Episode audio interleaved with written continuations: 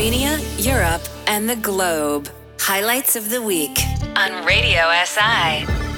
Hello and welcome to Highlights of the Week here on Radio SI, where we take a look at some of the news that are making headlines in the past week. I'm Ksenia Samarja Matul. After several months, secondary schools fully reopened under Model C this week, meaning half of the class will be in school for a week, while the other half continues learning from home. And bars and restaurants in two eastern Slovenian regions, Posavje and the southeastern region, were able to start serving food and drinks outdoor this week. Switzerland has narrowly voted in favor of banning face coverings in public, including the burqa or niqab worn by Muslim women. Official results showed the measure had passed by 51% to 49% in Sunday's referendum. And Monday was International Women's Day. Slovenian officials called for continued efforts to improve gender equality. Prime Minister Janez Janša noted Slovenia's positive gender equality record. Slovenia's share of women in management and companies is 8% above the EU average. At the same time, trade unions say women in the labor market still face discrimination and various forms of harassment, sexism, and unpaid work.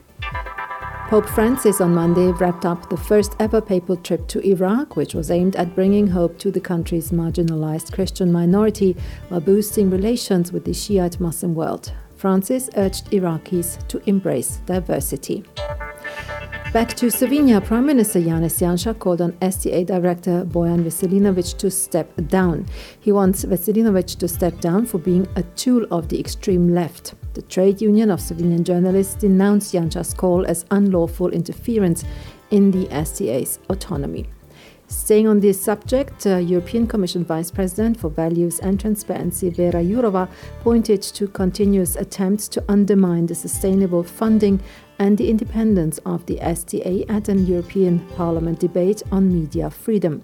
She also said that frequent verbal attacks against journalists in the country were cause for concern. Strong leaders are those that gain respect through their actions, that accept diversity of opinions, and that allow citizens to be duly informed, not those that try to silence critical voices. Slovenian members of the European Parliament of the centre-right EPP Romana Tomc and uh, Franc Bogovič rejected allegations about the Slovenian government exerting pressure on Slovenian media. And still staying with the European Parliament, the European Parliament has voted to waive the immunity of former Catalan leader Carles Puigdemont and two other Catalan members of the European Parliament. The politicians left Spain in 2017 following a failed independence referendum and have been in self imposed exile in Belgium ever since. Puigdemont reacting to the European Parliament's decision. It is a sad day for the European Parliament. We have lost our immunity, but the European Parliament has lost more than that. And as a result, European democracy too. This is a clear case of political persecution. Spain will now demand the extradition of the Catalan politicians to Madrid. The Parliamentary Environment Committee adopted amendments to the Water Act changes under which hazardous substances could be used under certain conditions by production facilities located in water protection areas. The opposition warned of harmful effects for water sources. And Karl Erjavec stepped down as president of the Pensioners Party, saying it was no longer the party he led for 15 years. He is no longer a member of the party either. Until a new leader is elected, the party will be headed by Anton Balažek, one of the two vice presidents. Erjavec recently took a corporate job at Telecom's equipment maker Iskratel.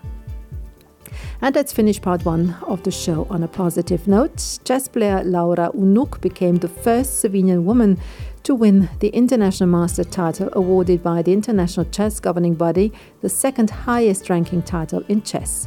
Unuk won the title by bagging a victory at the chess tournament Mediterranean Flowers. Congratulations. Slovenia, Europe, and the globe. Highlights of the week on Radio SI. Japan this week marked the 10th anniversary of the earthquake, tsunami, and nuclear disaster that hit its northeastern region. The magnitude 9 quake that struck on March 11th in 2011 was one of the biggest on record and set off a massive tsunami, destroying towns and causing meltdowns at the Fukushima Daiichi nuclear plant. And US President Joe Biden's 1.9 trillion US dollar relief bill to help Americans deal with the impact of the COVID 19 pandemic has cleared its final hurdle in Congress. President Biden. This bill represents a historic, historic victory for the American people. Everything in the American Rescue Plan addresses a real need, including investments to fund our entire vaccination effort. Most noticeable to many Americans are provisions to provide up to $1,400 direct payments this year to most adults and extend $300 per week emergency unemployment benefits into early September. China's legislature has approved a controversial resolution paving the way for Hong Kong's electoral system to be overhauled in its latest move that will tighten control over the city. The resolution will reduce democratic representation and allow a pro Beijing panel to vet patriotic candidates. Bulgaria on Friday temporarily suspended the use of the AstraZeneca coronavirus vaccine and demanded safety guarantees from the European Union's medicines regulator. A number of other European countries have taken similar steps following reports of blood clots in some people who received the AstraZeneca shot. And on Friday, Prime Minister Janez Janša addressed reporters with the other coalition leaders a day before a year has passed since his government assumed office. Janša pledged for the government to respond to a third wave of the coronavirus epidemic, which he said could realistically be expected, and implement key commitments in the coalition agreement. The government's key projects are debureaucratization, decentralization, tackling long term care, as well as reforming the public sector pay system.